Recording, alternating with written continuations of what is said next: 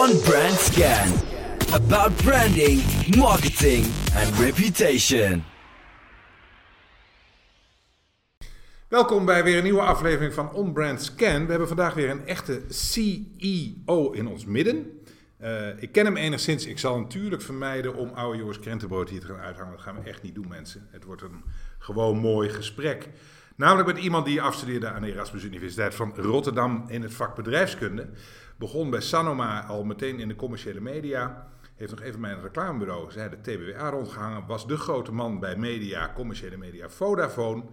DPG en via DPG werd hij ineens CEO van Abovo Maxlead in het Noord-Hollandse. Welkom Willem Albert Bol. Klopt, naar Noord-Holland en Oesgeest. Wij zitten boven en onder Amsterdam. Hoe zit dat met Oesgeest? We hebben, daar een acquisitie gedaan. Ja, ja, we hebben daar een acquisitie gedaan. Dus Abovo Media zat al jarenlang in Hoorn.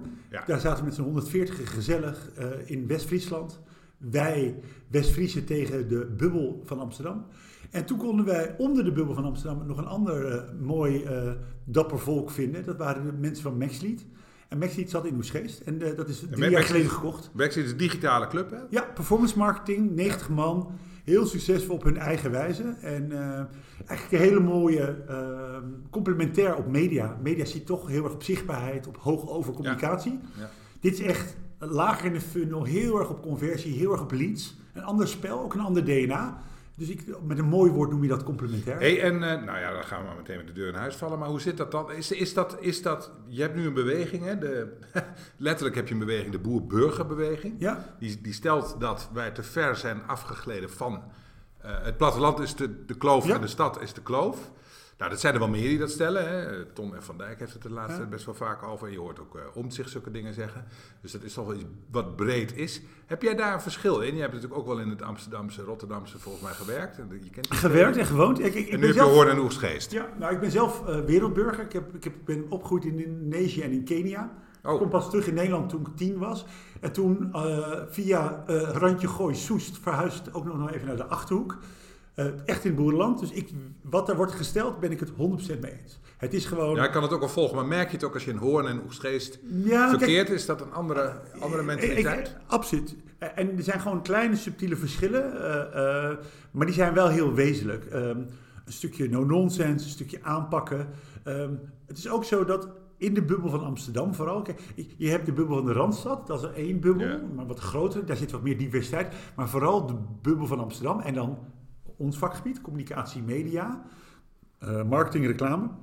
Dat is nog een soort subbubbeltje daarbinnen. Want die vinden zeg maar alles buiten de ring Amsterdam al heel spannend. Ja, en dan zitten we hier ook nog in het reservaat het gooien op dit moment. Ja. Dus dat is helemaal... Uh... En dat doet iets met de mens. En natuurlijk zijn dat heel weldenkende mensen die vaak over heel Nederland zijn opgegroeid en dan naar Amsterdam trekken. Maar als jij de hele dag uh, latte macchiato uh, drinkt met, met, met, met een bepaald soort type melk ja, dan verlies je een beetje de connectie met normale mensen die een bakje koffie drinken. Uh, en als je zelf in die bubbel leeft, gaat jouw blik, je advies voor jouw klanten ook die kant op. Ja. En als die klanten vaak ook nog in die bubbel zitten, dan is dat een soort versterkend effect. Ja. En dan krijg je een kleine mismatch. En uh, ik weet niet, een klein quiz voor jou. Uh, wat is de meest gemiddelde gemeente van Nederland? Er zijn er twee die heel veel. Uh, Woerden. Ja, Woerden. En Alphen aan de Rijn. Oh, dat is die twee. Wist ik ja, en Veenendaal. Die drie worden vaak genoemd als. En ga eens gewoon op, op een zaterdag naar de markt in Alphen aan de Rijn, Woerden of Veenendaal. Nou, daar kom je denk ik niet per se heel veel vrienden tegen, want wij zitten in andere cirkels. Maar dat is wel gemiddeld Nederland. Dus ja. dat is niet laag Nederland, dat is niet hoog Nederland, dat is gewoon en dat is de afnemer van het gros van onze producten. Dat is de afnemer, dat is de stemmer. In de ja, politiek. nee, wij leren, wij leren dat op school. Woeren, dan moest je zijn voor marktonderzoek. Ja, dat had zin. Zeg maar. Ja, en dat is, dat, dat is dus waar. En dat kan je weten, maar ben je dan ook nieuwsgierig wat daar speelt? Ga je er wel eens naartoe? Voel je wel eens die vibe? En incorporeer dat ook in je advies als je voor jouw merken waar je voor werkt advies moet uitbrengen ja. over doelgroepen en over communicatie. En dat is vaak nog best wel pittig. Ja. Hey, um, ik, ik, wil het eerst even met jou over een onderwerp hebben. Ik wil het vandaag vooral, het thema wat ik vandaag met jou een beetje heb, is de verandering. Oké. Okay. je hebt, uh, nou, hoe, hoe, lang werk je nou in die media? Een jaar of Nou, ja, 24, ja, 24. Uh, altijd in de commerciële media, hè? dus dat is ja. ook wel eens leuk. Uh, ook voor een bureau als het ons is dat, is dat ook wel eens leuk om, om daar eens wat uitvoeriger over te spreken.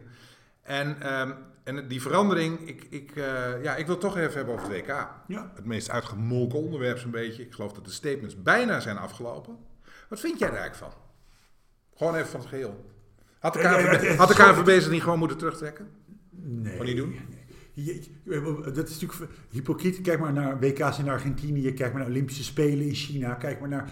Er zijn echt wel in sport, in wereldproblematiek... Ik denk dat je als je wereldpolitiek bedrijft en wereldsport bedrijft... alles op een globale schaal kan je niet politiek correct doen. Want er zijn te veel plekken in de wereld. En wie zijn wij met ons arrogante westerse blik... om even de rest van de wereld de maat te lezen? Het is, er zit een dubbele moraal in. Kijk, eh, de situatie in Qatar is vind ik ook vooral een PR. Nou, we zitten hier toevallig ook in een reputatieplek. Het is ook heel dom gespeeld door de Qatarezen zelf. Ze hebben niks Ja, van zich die laten laatste- horen. nee, maar bijvoorbeeld die, die, die, eh, ik weet, we kennen allemaal die beroemde quote vanuit The Guardian. 6.500 doden. Nou, iedereen die er een beetje wat voor in verdiept, leest bijvoorbeeld ook in Amnesty International, zegt dat klopt niet. Er zijn 6.500 arbeidsimmigranten in 10 jaar overleden in Qatar. Ja. Dat is niet hetzelfde als het Ja. bloed van 6.500 mensen aan de stadions van het WK Nee, maar voetbal. het zijn er ook geen drie. Nee, maar ik weet niet of je weet hoeveel doden er zijn gevallen bij andere WK's, stadions bouwen. Het is een gevaarlijk beroep, kan ik je verklappen. Mhm. En bij elk WK zijn er rond de 10 tot 100 doden gevallen in het maken van het netwerk van stadions, et cetera. En hier waarschijnlijk een fractie meer, maar ja, ze, ze bouwen de woestijn, dat is 50 graden soms. En ze hebben daar niet altijd airco op de bouwplaats. Dus wat ze hadden moeten doen, ze hadden denk ik qua reputatie moeten erkennen en benoemen als Qatar. Ja, dit is een uitdaging, snappen we. We gaan er naar handelen. En, en er veel kwetsbaarder en anders mee moeten omgaan. En dan had dit een hele andere frame gekregen. En de Qatarezen dachten, weet je wat, Ja. met geld en met andere aanpakken, bijvoorbeeld ko- kopen van dure ambassadeurs, David Beckham en eh, de, de broertjes, de Boer, dus, et cetera. eh. Wij Ja. lullen ons hier wel uit. Nee, het we leven in een tijdperk dat je als merk, ook het merk Qatar, Ja, maar het gekke vind ik niet ook... meer uit kan ja, lullen. maar ga er nog eens even naar kijken. Want als je naar de hele reputatiestrategie van Qatar zelf kijkt... NRC, ik zal hem in de comments even Ja. zetten, jongens. NRC-podcast daarover. Erg leuk, hadden we het net ook nog even over. Maar dan zie je een briljante strategie. Een land dat zich onveilig voelt, geld zat heeft, het, eh, een van de rijkste landen ter wereld is. En zeggen, we gaan daar helemaal inzetten op voetbal en onderwijs en nog een aantal sectoren. gaan we helemaal uitvoeren, dat gaan ze helemaal doen. Op zich is dat briljant. En dan het laatste stuk, Ja, dan de executie, En dan gaat het het. helemaal fout. helemaal fout. Echt helemaal fout. Maar we leven dus in een tijdperk, noem het maar een hoogsensitief tijdperk, waarin je dus ook als land, ook als FIFA, want ik bedoel, je hebt, FIFA heb je heel veel mee, hè? je vertegenwoordigt de populairste sport, een moment waar de hele wereld naar verlangt, zeker ook na twee jaren corona, joepie, weer een WK, en je weet het te verneuken. Dat is toch Ja, knap? Ja, dat is knap. Eh, Ja. Maar laten we het even, laten we het even En, en hebben dan over... heb je het over de reputatie dus. Ja. Het, het, het, je had het moeten omdenken. Je had, je had een soort mea culpa moeten maken. En je had er weer een feest van alle volken van moeten maken. En met een stuk erkenning. Een mooi monument Ja. voor de slachtoffers. Het serieus nemen. Geef de helft van de tickets aan alle arbeidsmigranten. Had daar iets mee gedaan. Iedere, iedere crisiscommunicatieadviseur had dit ook zo ongeveer gezegd. Ja. Ik begrijp ook echt niet dat zo'n land dat dan nog niet even inhuurt. Maar dat heeft te maken met trots en met Ja, ego. En dat zijn natuurlijk altijd de gevaarlijkste dingen in reputatie. Eh, als je niet wil luisteren naar de wereld. En nogmaals, de wereld heeft niet gelijk. Hè? Want wie zijn wij? Want wij meten Nee. allerlei andere mensen de maat. Ik weet niet hoeveel, hoeveel mensen zijn gestorven voor de metro van Londen. Weet je? Maar dat zijn we allemaal lekker selectief vergeten. Eh, ja. dit zijn landen die een inhaalslag maken. En daar wel eens foutjes in maken. Ja. Ja. Hey, maar nu even naar de sponsors. Ja. er is meer over te zeggen alleen die omstandigheden. Hè. Is meer over de, het Oké, is- en dan is dat zo. Het is natuurlijk dan helemaal geen voetballand. Ja. Het is, Ja. Natuurlijk is het, is het gewoon door corruptie verkregen, dat hele ticket. Maar ook dat gebeurt vaker. Daar hoef ik ook helemaal niet moeilijk Niks over te doen. Eh, nee, als ik dit eh, zeg, kan ik niet eens aangeklaagd worden, geloof ik. Dat is echt wel bewezen. Maar, oké, er zijn Dan ook heel veel merken omheen. Ja. Hè? Bavaria, ING, eh, nou eigenlijk wie niet. Die zaten er allemaal mee in de maag. Wat was jouw advies geweest? Van aan, Laten gaan. ING? Let it go. Let go? Gewoon Let it go. Ook al, al, let it go. Kijk, de, de, de, de, de, dapperste, slimste weg is wat Albert Heijn heeft gedaan. Zorg toch iets mee doen, maar heel ver weghouden en heel erg op trots van oranje. Een vrij niet-zeggende aanpak, niet feestelijk, geen oranje mutsjes in de winkel. En Jumbo, wat vond je daar? Pakkers, dat is gewoon pijnlijk. Dat kan gewoon gebeuren. Dat is Ja. een- maar voor mij zit de pijn zit nog daarvoor. Ga jij een hele vrolijke, eh hossende stemming creëren rond een WK? En dat is waar we net over hadden. Je voelde allemaal al een tijd natuurlijk. Dit WK klopt niet, men blieft het niet. Maar leer mijn supermarkten kennen. Die werken heel erg lang van tevoren, planden die dat. De spencertjes voor mij hadden ze als actie hadden ze al ingekocht. Dus die moeten dan doorgaan, die actie. Ja. Terwijl je eigenlijk dan moet durven Maar er had toch wel iemand kunnen zeggen van, ja, hoor eens even. Dat doen we even niet. Dat doen we even niet. Of Nee. iemand had kunnen zeggen, die bouwvakken, wat is dat? We hebben het net, daar hebben we het de hele tijd over. Ja, Dus dat is wel een hele grote fout toch, op zijn minst. Ja, pijnlijk zeker. Groot, dat filmpje is echt een momentopname van een paar seconden. Ik vind nogmaals echt de afweging die je maakt als merk in een tijd als nu, met de reputatiezaken die er spelen, en je bent Jumbo, dus er gebeurt er al heel veel rotzooi om je heen, moet je dan een Hosanna-achtige aanpak kiezen rond WK. Dat is de foute keuze. Ja. Het filmpje komt daarna pas. Ja. Ja. Het is gewoon het aanvoelen van de tijdgeest. Ja, maar dat is ook waar Het aanvoelen van de gaat, tijdgeest. ja. En niet denken, oh dat loopt wel los. Nee. Anno nu loopt dit niet meer Nee. los. Nee, nou, dat hadden ze dus bij Qatar. En lenig zijn. Ja. Ben je adaptief om nog te willen horen wat er speelt in qua sentiment en daarop nog kunnen acteren? En dat is moeilijk hè, het is niet makkelijk. Nee, maar even dan, hè, eh, is het nou zo, is het, is het echt zo enorm belangrijk, zo'n WK, voor zijn adverteren? Wordt soms overdreven, maar er zijn echt wel categorieën. Bier, televisies, eh, chipsverkoop, borrelnootjes, eh, bitterballen. Er zijn echt wel bepaalde categorieën die echt wel een aanzienlijk WK-effect hebben. Ja. Alleen je voelt dan alles dat die dit jaar anders is. En we kijken braaf allemaal. Hè? Ik bedoel, die kijkcijfers groeien in het toernooi. Het is echt helemaal niet zo dat we allemaal massaal blokkeren of zo. Of we gaan boycotten. Dat is niet waar. Nee. Maar de hele sfeer met je straat, met z'n allen feesten. Maar dat komt ook natuurlijk door die stomme keuze van Nee, november je- versus de zomer. Ja, zie je nu even niet, maar wacht maar tot ze in de halve finale komen, dan weten we ook Ja. wel wat er gebeurt. Hè? Daarom. Ja, oké. Ehm, ja, er is ook al zoveel over gezegd. Ehm, maar nou is er nog iets, en dat wilde ik dan toch ook wel even... Hè, we hebben nu ehm, heel veel cancel-cultuur. Ja. de laatste. Nee, we zitten in een cancel-cultuur. Je kunt niks meer zeggen of je wordt gecanceld. Eh, nou, hebben we recent weer gehad, hè, Matthijs van Nieuwkerk bij de, bij de NPO. Is dat Ehm, cancelen? Ja, nou... Vind ik niet goed Nee, dat is niet helemaal hetzelfde. Dat Ik vind, het ik vind voorbeeld, een voorbeeld van cancelen is dat iemand een andere mening heeft. En omdat hij een andere mening heeft, als fout wordt bestempeld. Dat vind ik Ja. cancelen. En Matthijs van Nieuwkerk is eigenlijk vind ik, veel meer in de MeToo eh, hoek. Waarin we kunnen zeggen, we accepteren niet meer de dingen die we vroeger accepteerden. Maar wie zit er nou fout? Laten we het daar eerst dan even over hebben. Daarna gaan we even naar de andere kant. Was de wereld maar zo simpel, Stef? Het is niet goed of fout. Wat ik zelf heel vaak ook in discussies met jou en anderen op social media ervaar, is dat er zijn gewoon meer invalshoeken die allemaal valide zijn. En ik ben dan zo'n suffe nuanceman dat ik probeer te zien, hé, hey, die zegt zus, die zegt zo. Mijn eigen persoonlijke mening neigt meer naar dat. Maar hé, hey, die andere kant heeft ook wel iets. Ik ben nieuwsgierig naar de andere kant. En wat is cancelcultuur wat mij betreft? Het blokkeren van het andere geluid, want dat is fout. Ja, maar nou bedoel ik even ook, wie zit er fout? Kijk, dan heb je dus een hele organisatie. Ja. NPO, BNN, VARA. Ja. Ik weet niet, ja, ik zou het moeten weten. Ik weet het ongeveer, maar niet helemaal precies hoe het in Ja. elkaar zit. Maar eh, daar is dus de ene werknemer die tegen de andere ondergeschikte werknemer tekeer gaat. Jarenlang blijkbaar. Ja. Dan is daar dus iets heel erg gruwelijks fout. En we hebben net, en laten we het dan maar breder trekken. We hebben net natuurlijk... Maar was dat alleen maar daar, Stef? Nee, blijkbaar niet. Natuurlijk niet. Ik heb zelf in die wereld gewerkt. Ik weet Nee, hoe maar, het maar- werkt maar- daar. De- er zijn bepaalde categorieën, en dat zie je natuurlijk ook in de excessen die we kennen in de media, sport, entertainment. Daar zijn de verschillen van zij die, die op het podium staan versus de mensen eromheen, zijn heel groot. Dus bijvoorbeeld een coach van turnen is ook een. Dat, hoe kan een man jarenlang wegkomen in een turnhal met mis, misbruik van kinderen en daarmee wegkomen? Ja. Omdat dat natuurlijk hele gekke, bijzondere dynamieken zijn in het normale bedrijfsleven met werknemers die ook weg kunnen gaan, die boos kunnen worden, die een positie hebben. Wat ik heel mooi vond van de analyse van de NOS en BNN-VARA, dat een paar mensen terecht zeiden, dit heeft ook te maken met de jaarcontractencultuur op die redacties. Ja, ja, oh ja. Al die mensen die bang zijn, krijg ik wel mijn vervolgcontract. Even naar het vak. Even naar het vak. Commerciële media. Ja. Dus eh, dit, dit gebeurt nu. de Dit gebeurt. Nou, we- we- wij weten allemaal al lang. Ja, ik bedoel, ik, ik verbaas me nog meest, denk ik, over mensen wisten het niet. Nou, ik wist het zelfs en ik werkte niet. Dus eh, dat is een beetje raar. Nou, Privé heeft een uitgebreid artikel over geschreven. Want een van de excessen van Matthijs van Nieuwkerk was dat hij geout werd in een artikel van Privé. Waarvan waarschijnlijk alle media toen de tijd hadden, haha, de Privé. Ja, net zo en die de klopte dus Ja. spijkerhard. Ja, ja, ja, ja. Lang leven roddelmedia, waar we allemaal Ja. fnuikend over doen. Story, hoor. Ja, Guido Ja, Aandekker. die heeft het ook altijd Ja, wel aardig in de... maar de- vergis je niet, dus Privé heeft Ja. dit verhaal toen groots gebracht. Ja. Feitelijk precies wat er nu is gezegd, alleen niemand nam het toen serieus.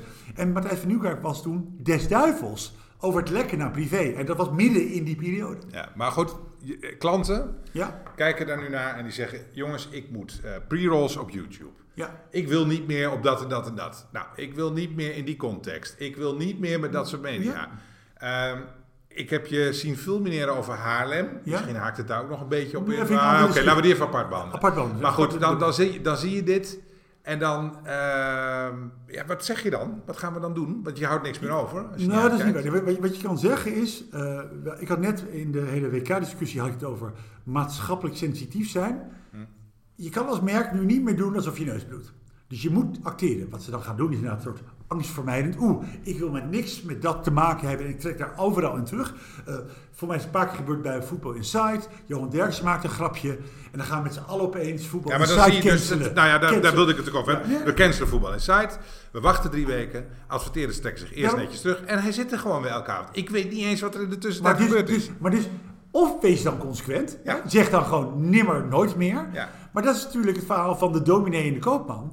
We, we, we spelen af en toe eh, heiliger dan de paus, eh, heel veel Ja. merken. Maar ik snap wel dat je als heilig? merk... Ik vind niet dat je merken mag aanvallen voor het feit dat ze sensitief zijn en daarnaar handelen. Alleen, hopelijk zijn ze consequenter en consistent in hun aanpak. Maar ik vind wel dat je als merk het recht hebt om, eh, de, de vakterm is een beetje voor brand safety, dat je veilige omgeving zoekt voor jouw merk. Maar ja, wees dan heel consequent. Ga dan ook heel goed kijken naar je digitale plan en op welke sites je allemaal staat. En wat daar voor filmpjes allemaal op staan. Hè? Ja. Dus wees dan consequent. Ja, ja. En vragen klanten hier dan? Jazeker. is advies. Ja, bij ons wel. Maar we- Ja, nee, zeker. En, en daar, daar, daar acteren we ook naar. Alleen nogmaals, trek dat dan door. En dan komt, komen we op een hele mooie commerciële economie vraagstuk. Brand safety betekent dat je selectief gaat kopen. Selectieve inkopen is duurder. Ja. Dus er ontstaat ook een punt dat de dominee, namelijk goed gedrag van een merk, gaat botsen met je commerciële doelen. Namelijk, je gaat de hoofdprijs betalen voor alles wat je doet in media. Mhm. Pakketinkoop, in bulk kopen met allemaal de spullen erin en ook voetbal en site, is goedkoper Ja. dan heel selectief alleen maar het 8 uur journaal eh, Ja. kiezen. En hoe reageren klanten daarop? Dan, eh, Ja, dan, dan kom je in discussies. Want dan, Ja. dan, dan moet je opeens twee eh, communicerende vaten met elkaar in, in, in balans brengen. En dat is moeilijk. Ja. En hoe zit dat online dan nu? Bijvoorbeeld, ik heb dat niet allemaal heel scherp, eh, maar de, de, de pre-roll op YouTube, heb je daar al die invloed, heb je die daar ook nog op? Of dat, Zeker, eh, maar dat is dus een, een duivels complex spel van... ehm, stel, ik heb een eh, gekke Engelse wappie meneer die in Amsterdam op bezoek komt. Die heeft allerlei filmpjes op YouTube, die draai daar gewoon. Daar kan jij met je merk gewoon voor komen staan. ja. Dus de vraag is, hoe scherp zet jij ook bij YouTube de criteria van brand safety aan? Maar ook bij YouTube geldt hetzelfde. Als je heel veel dingen uitsluit, gaat jouw prijs omhoog. Ja. Dus in bulk inkopen met mooie kwaliteitsfilmpjes en bagger en alles bij elkaar is goedkoper dan heel selectief op allerlei criteria dat kopen. Dus daar komt datzelfde dilemma naar boven. Ja, ja, ja, mooi. En we, en we leven in een tijd van doormeten. En op een gegeven moment merk je dan dat jouw principes heel duur worden. En dan wordt het toch weer een andere discussie. En dan wordt het weer wat Ja, genuanceerder. dan zijn we ineens heel Nederlands. De koopman gaat Ja, dan weer. ja. En, en, en dat, een, dus, dus dat is het. Vind balans daarin. Eh, ik bedoel, kijk, het is echt wel zo dat eh, heel veel merken allerlei dingen excluden. Van ik wil daar niet op staan. Ik wil, maar ergens wordt het steeds lastiger. Ja, maar hoe kijk je dan bijvoorbeeld nu aan? Hè? Want eh, daar heb ik me toch ook wel een beetje over verbaasd. En dat heeft natuurlijk met mijn reputatie, man, achtergrond die ik inmiddels dan ben eh, te maken. Maar ook Black Friday. Ja. Ik eh, dacht echt dit jaar, nou, hè, tijdgeest en dat zal wel. En ik zag ook Dylan en Camilla, geloof ik, die trokken zich al meteen terug. Vond ik een beetje obligaat, maar oké, ik snapte het wel. Ik, ben, ik, eh, ik kijk niet meer zo heel veel tv. Nu natuurlijk wel met het WK. En ik zie alleen maar Black Friday lijkt het wel. Ik word erbij doodgegooid. Hoe werkt dit? Waar, waar, waar- wat is dat dan? Al die merken Ja, toch, ik- eh, is dat dan in die koopmansgeest? Je moet, je moet mij geen trendwatcher maken, want ik had echt al jarenlang geleden voorspeld van dit, is een, dit, dit, dit trucje is voorbij. Ja, dat dacht ik toch ook. Uit Amerika afvlogen, Ja. hyperconsumptie-achtig gedreven, belachelijk. Je zag ook allerlei merken ook die vrijdag meiden al een hele week ervan maken. Het weekend Ja. ervoor, het weekend erna. Ja. Dus ik dacht, nou, dit gaat een zachte dood sterven. En het, het woekert verder. Ja, met name Dus- online aanbieders, die zijn helemaal gek Dus op. ja, maar, maar vergis je niet, hè. eh, een mens is een tweeslachtig wezen, Stef, zeg ik stichtelijk tegen je. We doen, we zeggen links en in het onderzoek zeggen we, oh nee, dat kan niet. En die dag rennen we naar een of andere meukwinkel meuk te kopen. Terwijl zeggen, nee, dat kun je echt niet meer doen hoor. Eh, uit arme landen eh, eh, kindjes t-shirtjes laten maken in Bangladesh. En dan lopen we langs de winkel en dan zien we twee H&M metalen voor 6 euro. En dan zeggen, nou weet je wat, handig. Ja. Dus, dus er zit een soort Maar goed, laten we dan even kijken eens naar de afgelopen 20 jaar. Is er iets veranderd? superveel. Wat, noem eens wat. Noem eens een paar eh, Ik belangrijke als oude man durf te zeggen dat er gewoon heel veel eh, mechanismen zijn veranderd. Kijk, het, ik, ik ben nooit zo van eh, eh, alles wordt eh, anders, maar de bewegingen zijn evident. Eh, ehm, Eh, mijn oud-CEO bij DPG, Christian van Tillo, zei altijd... Ontwikkelingen, ontwikkelingen worden op de korte termijn overschat. Hè, Ja. We rennen van hypes en hypes. Maar op de lange termijn onderschat. Ja. Hè, dus het feit dat hoe onze wereld in elkaar zit... en dat is natuurlijk vooral ook de, de verwoestende kracht van de digitale wereld waar we in leven... ik denk dat die impact eh, gigantisch is geweest. Het feit dat informatie overal is... eh, hè, die, die, die, die, die golf die internet en die digitaal in ons leven heeft... is ongelooflijk. Ik, ik, ik probeer wel eens met mijn dochter uit te leggen, die is negen... dat we vroeger geen navigatie hadden en kaarten om ergens van A naar B te komen. Van die hele basale dingen. Dat de telefoons waren met drana. Je kent alle clichés. Ja. Eh, en zij kijkt me echt schaapachtig aan. Waar heb je het over, Dino? Weet je, wel, ze kan zich niet voorstellen dat in 20 jaar geleden zoveel dingen zijn veranderd.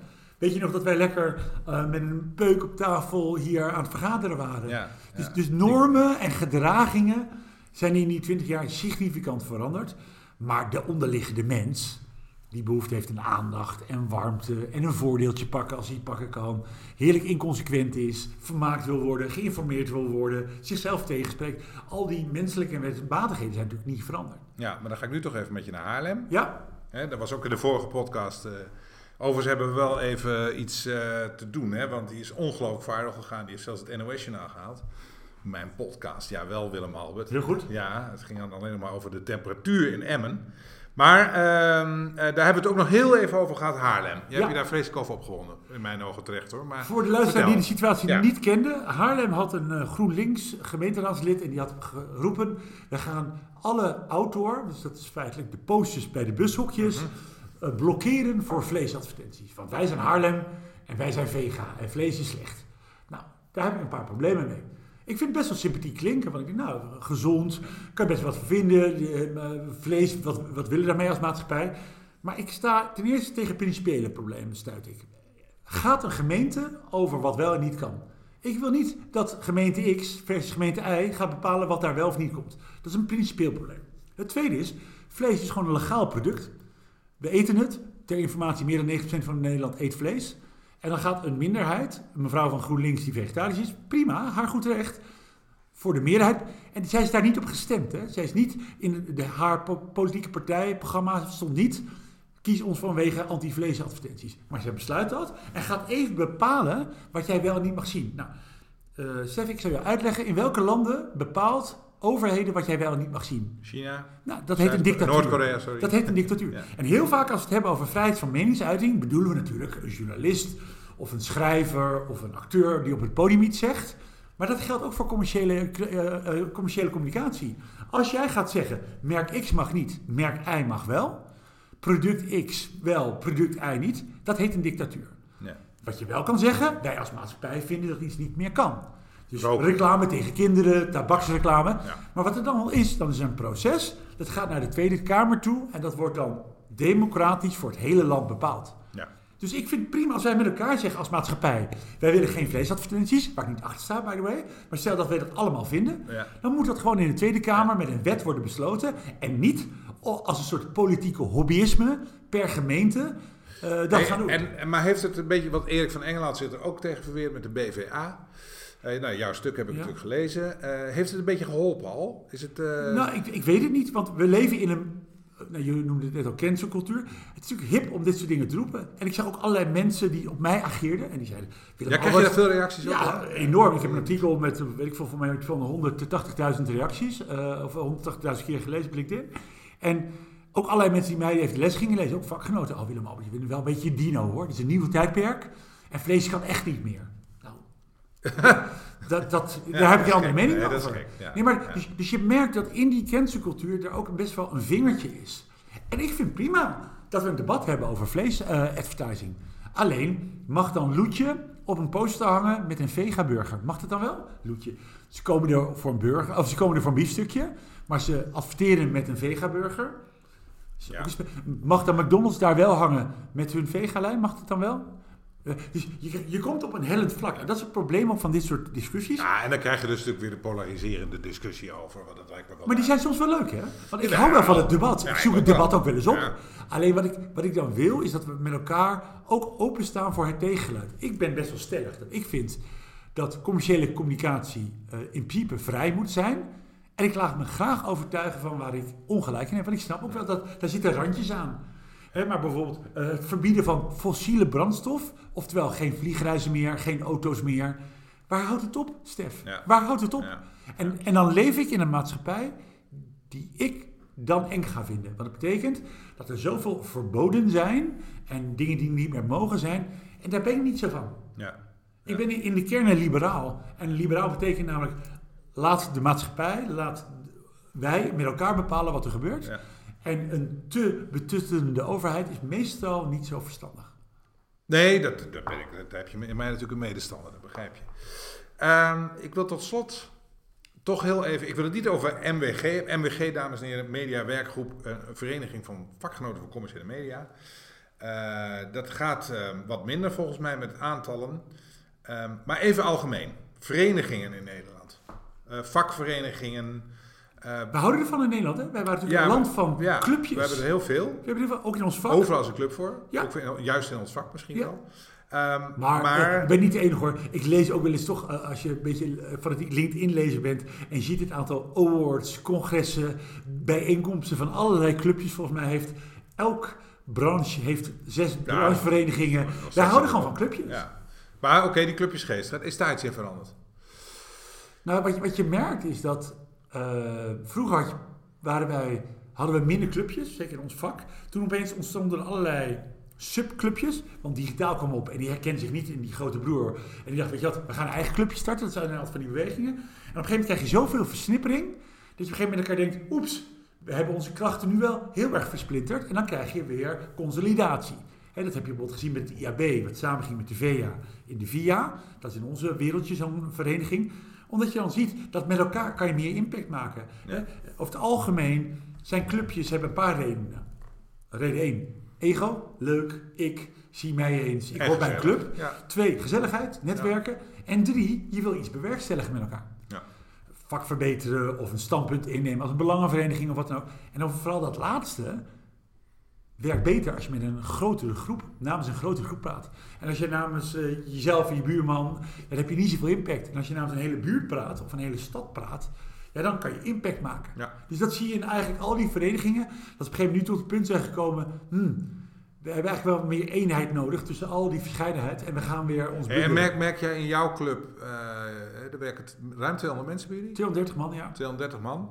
Eh, er zullen heel veel jonge mensen bij zijn. Zeker. Sterker nog, jij zult wel de oudste zijn inmiddels. Nee, dat zal wel niet. Maar, Ik ben een god van 48, een jonge god, Stef. maar dan ben je toch nog een stukje jonger. Ja, ja, dat had je niet hè? ja, ja. Nee, ik dacht dat je 50 Ja, maar die is die jonge collega's van mij. Maar die, zijn die lid van clubjes? Jawel, jawel. Eh, maar het is vaak ook wat je met die paplepel hebt gekregen. Ik ging werken en toen zei bijvoorbeeld mijn collega's, je moet naar het MWG. Ja. Want in de media moet je ook naar de MWG-club. Doe je dan braaf als jonkie. En nu zijn er natuurlijk ook wel degelijk best veel clubjes. Dus die jonge collega's bij mij die zeggen, Willem Hoort, naar welke moet ik gaan? En ik ben ervan, ik hou er wel van. Want ik vind vaak...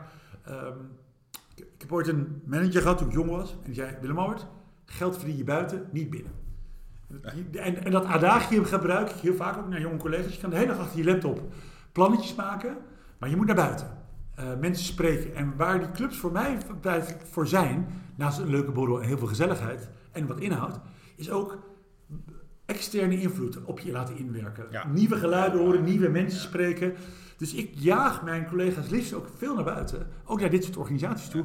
Luister, voel, proef. eh, eh, wat, er speelt, leer daar wat van. Want de hele dag geestdodend op jouw zolderkamer in corona achter je laptop zitten... is gewoon niet goed voor een mens. Nee, dat klopt. Dat heb ik wel We, moeten naar buiten gaan. Ja, ik heb vier studerende kinderen en dat heb ik echt gemerkt. Dat is gewoon echt niet goed voor je. Dat Nee, is, eh, maar zo zitten wij als mens niet in elkaar. Hè? En we hadden het net over de eh, verandering, want dat was jouw thema van vandaag. Ja, Nou, dat- ja, er verandert heel veel in de vorm, maar in de kern zijn we natuurlijk nog heel erg hetzelfde. We hebben behoefte aan connectie. We hebben behoefte, eh, behoefte aan verbondenheid. We hebben behoefte aan debat met elkaar. Zoals wij ook wel eens eh, met elkaar hebben, fysiek en of digitaal. Ja, fysiek valt het altijd mee hoor. Het is meestal alleen op Twitter. Maar op Twitter is dat debat natuurlijk ook vervelend. Omdat je maar 140 Nee, of weet maar hij heeft een functie. Hij heeft een functie. Jij opent mijn ogen. Er zijn, zijn vele mensen die op verschillende dossiers die ik volg. Ik ben zelf niet altijd fan van de inhoudelijkheid van Marjan Zwaagman. En toch volg ik haar actief, omdat ik heel vaak denk, hmm, Daar, een daar, heb je wel een Ja, punt. ja, ja. En het ligt vaak genuanceerd anders. Ik ben het niet helemaal eens altijd met het- de conclusie. Maar als je alleen maar mensen volgt die je zelf belieft, dan kom je in een hele enge bubbel Nee, dat is terecht. verschrikkelijk. En dat is verschrikkelijk. En voor Nee. mij moeten we met elkaar, als je dat buiten, naar buiten gaat en je komt allerlei mensen tegen van allerlei lagen, van, nou, ga eens een keer naar Woerden op een zaterdag, zou ik zeggen, lieve mensen. Zie die mensen daar lopen, spreek ze een keer aan. Het zijn hele normale, leuke mensen. En dat is, weet je, wel een leuke tip. Ga eens naar Boeren op zaterdag. ja, Ik ga Ja, dat maar, ja, misschien is dat wel onze conclusie van vandaag in deze Ja. podcast. We leven in onze bubbel, ook in onze reputatiebubbel. Merken doen het ook. Dan gaan we elkaar allemaal napraten en dat is gevaarlijk. Ga, eh, praat een keer met andere contacten. Ik, laatste vraag. Waar ben jij eigenlijk in veranderd?